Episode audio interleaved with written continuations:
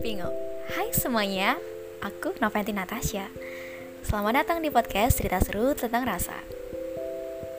Gimana nih kabarnya? Masih langgeng sama doi atau udah mau berniat move on? Hayo, siapa nih yang pada kejebak gamon? Kayaknya kita semua udah pernah ngalamin masa ini ya. Ketika hati berkata yes dan logika berkata no, di situlah kekuatan tindakan yang bisa menentukan. Move on itu identik dengan patah hati. Ya gak sih? Ketika kita patah hati, biasanya kita harus move on kan? Apakah move on itu penting?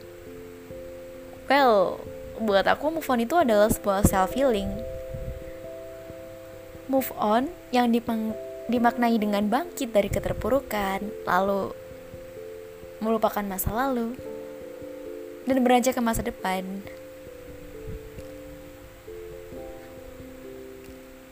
Pernah mikir gak sih ketika kamu berhasil melupakan? Apakah kamu telah berhasil move on? No. Move on itu ikhlas dan merelakan.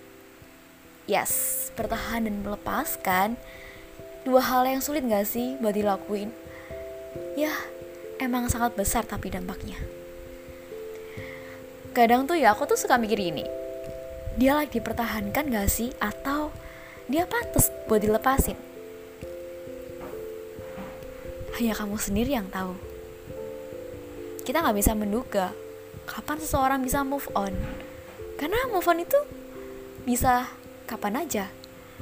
Entah satu minggu, satu bulan, satu tahun atau bahkan bertahun-tahun. Dari pengalaman aku nih, untuk move on dari seseorang yang toxic itu gampang banget. Serius.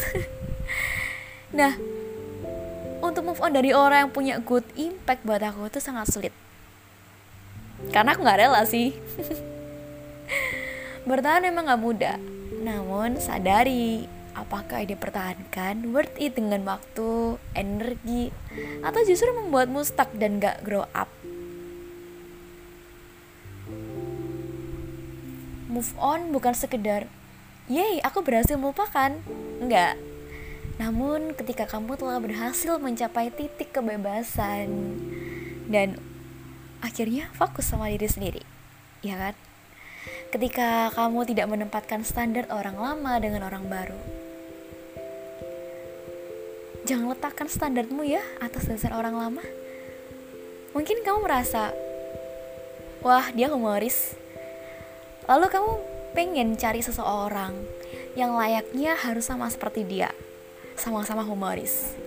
Jangan. Kini aku baru sadar kalau move on yang paling ampuh itu ketika aku dengannya bisa menjadi teman dan sahabat.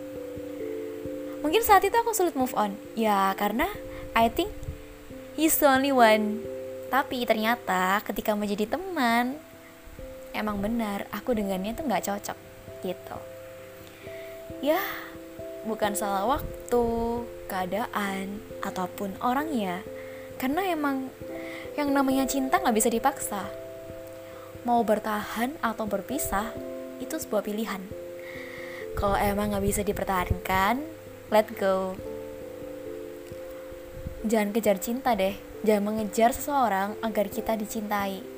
Karena ya sebenarnya orang yang tepat akan datang mencintaimu dengan tepat di waktu yang tepat juga. So move on itu baik kok.